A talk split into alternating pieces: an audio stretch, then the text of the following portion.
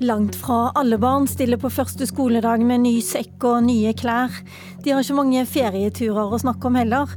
Forskjellene øker, og vi har tre ganger flere fattige barn enn vi hadde på 90-tallet. Hva gjør regjeringen med det, og hvor mye kan egentlig regjeringen gjøre med det? De siste spørsmålene kan jeg få svare på med en gang. Det de kan gjøre, er å skrive en stortingsmelding, og jobben starter i dag med et stort seminar der bl.a. du skal snakke. Kalle Moene, du er professor i samfunnsøkonomi ved Universitetet i Oslo. Hvorfor øker forskjellene i Norge? De øker eh, av en sammensatt grunn. Eh, både fordi de øker lønnsforskjellene mellom vanlige folk øker noe, eh, og fordi at den ikke har ekspandert velferdsstaten like mye som tidligere. Men jeg tror det er viktig å framheve at forskjellene øker i alle land alle OECD-land f.eks. siden 1985 fram til i dag. Og de øker lite i Norge sammenlignet med andre land, og de øker fra et lavt nivå i Norge. Eh, Sverige har også et lavt nivå, men der øker forskjellene mye mer. Og når jeg sier forskjellene, så er det forskjellene i inntekt etter skatter og overføring, det som kalles for disponibel inntekt, eh, og det er på husholdningsnivå. Men når eh, forskjellene øker, så er det vel også ganske Ja, det er ikke så nytt at OECD reagerer, men IMF, Det internasjonale pengefondet, eh, NHO, LO var ute i går eh, bekymra for de økte ulikhetene. Hva er faren? Faren er både politisk og det er jo levekårsmessig at, det er noen som blir hengende etter i levekårsutviklingen og forskjellene øker. Men det er også en politisk eh, dimensjon ved. At, at eh, når vi lever udelte liv, så har vi også veldig forskjellige interesser overfor politikken overfor velferdsstaten. Og da får vi som regel en dårligere politikk og en dårligere velferdsstat. Dessuten så er innflytelse over politikken i de fleste land eh, satt sammen med hvor mye penger en har. Én dollar, én stemme. Når svenskene har fått så store forskjeller, hvor mye av det skyldes at de har fått også en veldig stor innvandring? Det er veldig vanskelig å svare helt konkret på det spørsmålet. For det, det, er, det, er, en politisk oppslutning om velferdsstaten, eller endringer i velferdsstaten, som først og fremst har skapt de store forskjellene i Sverige. Og det er eh, dekningsgraden f.eks. For, for sosialforsikring og sånn har gått ganske dramatisk ned i Sverige. Så økningen Økningen i, Sverige i ulikhet er dobbelt så stor som, uh, som, i Norge. Og det er først og fremst fordi at uh, velferdsstaten har blitt mer gjerrig, om du vil, eller mindre sjenerøs. Og uh, ved at en, en, har mindre dekkende sosialforsikringer, både ved, ved sykdom, arbeidsløshet og noe ved pensjoner. Når du møter regjeringen, halvregjeringen omtrent, på dette seminaret senere i dag, har du da tenkt at ah, det, tenkt å si at det er verre i andre land. Det er ikke så ille i Norge. Bare slapp av, folkens. Nei, Det, det vil, jeg, vil, jeg, si var en falsk logikk i tilfelle. Jeg vil heller si det at, uh, se opp spørsmål. hva som har skjedd i andre land. Uh, selv om økningen i ulikhet her er beskjeden foreløpig, så er det krefter som settes i gang som kan virke selvforsterkende. Derfor er dette en fare. Derfor er det en fare å gjøre veldig kontroversielle grep overfor velferdsstaten, som gjør at velferdsstaten blir upopulær av andre grunner enn den trengte være. At den skal liksom hele tiden holde på å endre tingene. For det reduserer gjerne oppslutningen om den. Og i Sverige, Det som er alarmerende i Sverige, det er at det er gjennom det som skulle motvirke ulikhet, at ulikheten øker. Hva tenker du på da? Velferdsstaten. Velferdsstaten først og fremst, og at reduksjonen i fagforeningsoppslutningen i Sverige er også dramatisk uh, i tilbakegang. I særlig i privat sektor. Tusen takk skal du ha, Kalle Moene. Siv Jensen, finansminister og leder i Frp. Da hører du hva han sier. Behold velferdsstaten. Er du enig i det? Ja, det er jeg. Og Det er jo en av nøklene for at vi har eh, lav ulikhet i Norge. Det er at vi har gode velferdsordninger som er skattefinansiert. Som er universelle i den forstand at vi kan få de alle sammen. Hvor bekymra er du for eh, den økte ulikheten som du faktisk ser? Jeg tror vi alle er opptatt av å holde eh, forskjellene i Norge på et lavest mulig nivå. Nå sier jo Kalle Moen at eh, den har økt litt, men fra et veldig lavt nivå. Og vi skal være glad for at vi er et av de landene i verden med lavest ulikhet. Men jeg er enig med alle de som sier at vi må passe opp for at ikke det skjer. Og derfor setter jo regjeringen nå i gang et arbeid med en stortingsmelding hvor vi ser nettopp på hvordan vi kan forebygge dette. Sikre sikre eh, finansieringen av velferdssamfunnet vårt, for det er jo bærebjelken. Hvis vi ikke kan fortsette å ha gode velferdsordninger i fremtiden, så blir det jo en utfordring, særlig for de som har utfordringer. Og nettopp derfor er vi nødt til å ta grep for å få flere i arbeid, for å kvalifisere flere innvandrerkvinner. For det er en av hovedutfordringene, at innvandringen til Norge har utfordret dette, har økt fattigdommen, kanskje særlig hos barn. Eh, for det er for mange med innvandrerbakgrunn som ikke er i jobb. Audun Lysbakken, som SV-leder har du snakket om forskjeller, økte forskjeller veldig lenge. Føler du at noen har stukket av med klærne dine mens du var ute og bada i sommer? Nei, jeg føler at Den dagsordenen vi har prøvd å sette i norsk politikk, eh, endelig begynner å prege også de andre partiene. Jeg er veldig glad for at regjeringen har dette seminaret. Det er riktignok etter et forslag fra oss at de skal lage denne stortingsmeldingen, men det ble vedtatt i Stortinget, og alle partier har sluttet opp om det. Det syns jeg er bra. Det dette handler om, er jo hvordan vi skal forsvare det beste ved Norge. Altså, Det vakreste med Norge er ikke fjorder og fjell, det er små forskjeller og sterke fellesskap. Så Norge ble bygd som et samfunn for de mange, ikke for de få. Og det som nå står i fare, er nettopp det her. Og Min anklage mot denne regjeringen er jo at den på punkt etter punkt lytter for mye til de få på toppen, og tar for lite hensyn til hvordan vi skal holde ulikheten nede. Men nå sier jo Moen at andre land har det jo har større forskjeller enn oss. Ja, og Norge er vel et bedre land å bo i enn de fleste andre land, så derfor så må vi ta vare på det. Eh, da må vi gjøre mer av det som sørget for at vi fikk den situasjonen. Det handler f.eks. om et omfordelende skattesystem. Nå blir skattesystemet mindre omfordelende, mer rigget for den økonomiske eliten. Det handler om et arbeidsliv der vi legger til rette for sterke fagforeninger og små lønnsforskjeller. Denne regjeringen gjør motsatt. Og det handler om eh, f.eks. eierskap til å sørge for at de viktigste ressursene i landet kommer alle til gode.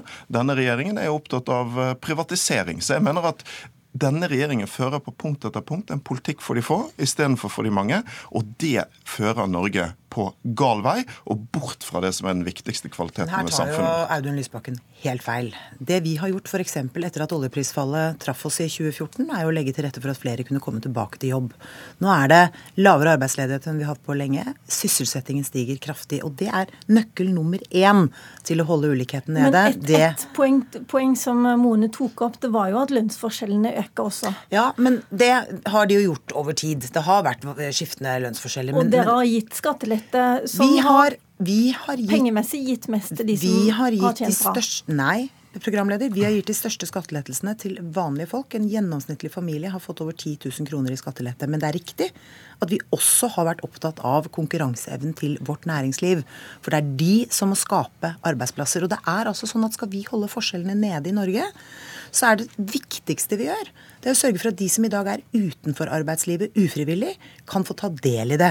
Derfor er vi opptatt av inkludering. Det er altså ikke noe svar, som SV veldig ofte tar til orde for, bare å øke eh, passive ytelser. Vi må legge til rette for at barn får god utdanning, for at voksne får videreutdanning, for at flere kommer i arbeid, og for at færre går på trygd. Er du gir passive ytelser, da? Det er jo de på toppen. Du har sjøl bekreftet at det norske skattesystemet blir mindre omfordelende på din vakt. og Da må du forklare hvorfor det er riktig. Hvorfor Hvorfor skal vi bruke så mye penger på de som allerede har mest makt og rikdom i dette samfunnet? Jeg tror ikke vi skal ta høyde jeg tror ikke vi skal ta Det norske skattesystemet virker bra fordi vi får nå flere arbeidsplasser enn vi har gjort på lenge, og det er hele poenget med det. Ok, Tone Fløtten, velkommen til deg også. Du er daglig leder på Fafo og har jobba spesielt med barnefattigdom, eller barn i lavinntektsfamilier, som det egentlig heter. I disse dager er sosiale medier fulle av barn, eh, glade barn med nye sekker og klær. Og så er det en del, barn vi ikke ser, og de er flere enn før, har vi hørt nå. De lever i disse lavinntektsfamiliene. Hva er det de sliter mest med, de som har minst? De som har minst, sliter selvfølgelig med å ikke ha det som andre barn har. Eh, nå tror jeg nok ganske mange barn har mye av det andre har, fordi at foreldrene prioriterer dem veldig høyt. Så nok foreldrene sliter mer enn barna i en del familier. Men de sliter da med å ha dårligere utstyr. De har eh, mindre leker, de har mindre fritidsutstyr, de har mindre mulighet til å være med aktiviteter. Eh, og de har det selvfølgelig også dårligere hjemme. De bor trangere, de har dårligere bostandard enn andre barn. Hva er den viktigste grunnen til at vi nå har tre ganger så mange fattige barn som vi hadde på 90-tallet? Ja, det er en endring i befolkningen. Eh, vi har flere eh, innvandrere som har vanskelig for å komme inn i arbeidsmarkedet, og ikke en velferdspolitikk som klarer å kompensere for det. Og mange av familiene som, har fått, eh, som, er, som nå er flere fattige, de har også veldig mange barn. Og da har ikke vi ytelser som sikrer at selv om foreldrene ikke kommer i jobb, så har, så har de familiene inntekt over lavinntektsgrensen. Det er også flere eneforsørgere blant de fattige nå enn det var for en 10-15 år siden. Hva skal du fortelle regjeringen på seminar i dag? da? Hvordan skal man få utjevna de forskjellene? Hvordan kan man hjelpe disse barna?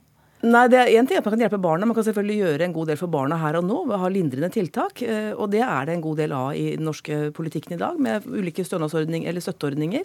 Men det gjør ikke noe med barnefattigdommen, det gjør noe med barnas situasjon her og nå. Men i tillegg så må man jo både jobbe videre med arbeidslinja. Eh, problemet er at for mange av de vi snakker om nå, så er avstanden til arbeidslivet veldig lang. Det krever mye innsats og veldig lang tid å være klar for det norske arbeidsmarkedet. Vi har et kompetansekrevende arbeidsmarked som krever at eh, folk som er der, eh, har veldig høy kompetanse. Og veien fram dit er lang, og da må man innse at for noen så er arbeidslinja rett og slett ikke veien å gå, og da må man diskutere hva man kan gjøre. Og det sitter langt inne å diskutere eh, økte stønader, fordi det er kostbart, og fordi det er mange andre mulige uheldige virkninger.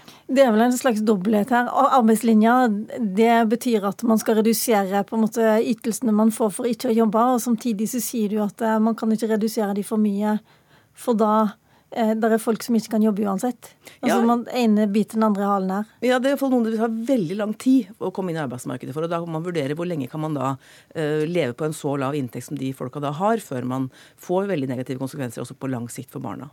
Mm. Siv Jensen? Fløtten har jo helt rett i at dette er en krevende balansegang. Det er jo åpenbart sånn at mange barn som lever opp i lavinntektsfamilier, trenger at begge foreldrene kommer i jobb. Vi vet at i eh, vår innvandrerbefolkning så er det særlig mødrene som ikke jobber. Men det hun sier også, det er jo at en del av disse får ikke begge foreldrene ut i jobb. Nei. De har ikke, ikke kan de norsk, ikke har de utdanning. Og da tar du fra de Nei, men Punkt én så syns jeg ikke vi skal gi opp og bare si at nei, vi får de aldri jobb, så da gir vi heller litt mer støtte. Jeg tenker at vi må først begynne med en offensiv integreringspolitikk hvor vi legger til rette for språkopplæring, for kompetanseheving, for muligheten til å komme seg ut i jobb. Så er jeg enig i at det alltid vil være mennesker i vårt samfunn som ikke kan være i jobb, som av ulike årsaker har diagnoser, sykdommer osv. som gjør at de ikke kan jobbe. Derfor skal vi ha trygge, gode og rause velferdsordninger. Men vi er altså inne i en situasjon hvor for mange ønsker å være i arbeidslivet, er det ikke. Og vi er i en situasjon hvor Norge over veldig mange år har hatt for høy innvandring, som gjør at vi nå har utfordringer med integreringen. Kan og det må SV også være med på å ta en del av ansvaret for, for de har ført denne hodeløse politikken gjennom mange år. La oss spørre deg da, Lysbakken. Går det an å redusere antallet fattige barn uten at man også reduserer på, på både arbeidsinnvandring, og, men eh, for så vidt først og fremst på, på asyltilstrømming og familiegjenforening. Ja, altså de barna som er i Norge, de er i Norge. Eh, derfor er ikke dette et spørsmål om innvandring, det er et spørsmål om hva vi gjør for barn som er i Norge. Eh, det er også sånn at ulikheten øker, også om du korrigerer for innvandring. Det er også sånn at vi har fått flere fattige etnisk norske barn. Så Siv Jensen kan ikke gjøre dette bare til en innvandringsdebatt. Det handler selvfølgelig om integrering, men også om mye mer. Denne regjeringen har jo sendt deler av regningen for skattekuttene til den økonomiske eliten til folk som har lite. F.eks. gjennom å kutte i uføretrygd til en del av de fattigste familiene vi har. Eller uh, kutte i bostøtten, som gjør at uh, hverdagen blir vanskeligere for fattige familier. Det vi burde gjøre, det, og jeg er jo helt enig, arbeid er målet, men vi må også erkjenne at arbeid ikke er kortsiktig mulig for alle. Vi bør fjerne stønader som gjør det vanskelig å komme inn i arbeid, f.eks. kontantstøtten, som er av en eller annen absurd grunn den eneste stønaden denne regjeringen elsker. Og så burde vi øke barnetrygden istedenfor, som ikke har den typen negativ effekt. Da får vi veldig mange familier ut av fattigdom på kort sikt, og det vil gi resultater for de barna det gjelder. Kan du slakke litt av på den arbeidslinja di for å gjør det litt eh, bedre for de barna i lavinntektsfamilien. Men vi må gjøre flere ting samtidig. Vi kan ikke la være å legge til rette for at flere kan komme i jobb. Alle de som ønsker å være i arbeidslivet, som har vært parkert på utsiden i årevis, må få sin mulighet. Men vi har jo også målrettet mange av velferdsordningene for å treffe bedre lavinntektsfamiliene. Vi har altså lagt om hele barnehagepolitikken som gjør det billigere og til og med gratis for en del familier å få barnehageplass. Det har en sosial profil. Det samme har vi gjort med en del stønadsordninger rundt videregående opplæring. Men, men jeg syns det er feil når Audun Lysbakken prøver å fremstille dette som at jeg bare er opptatt av innvandring. Dette handler om rus, det handler om psykiske lidelser, det handler om folk som ikke kunne ta del i arbeidsmarkedet.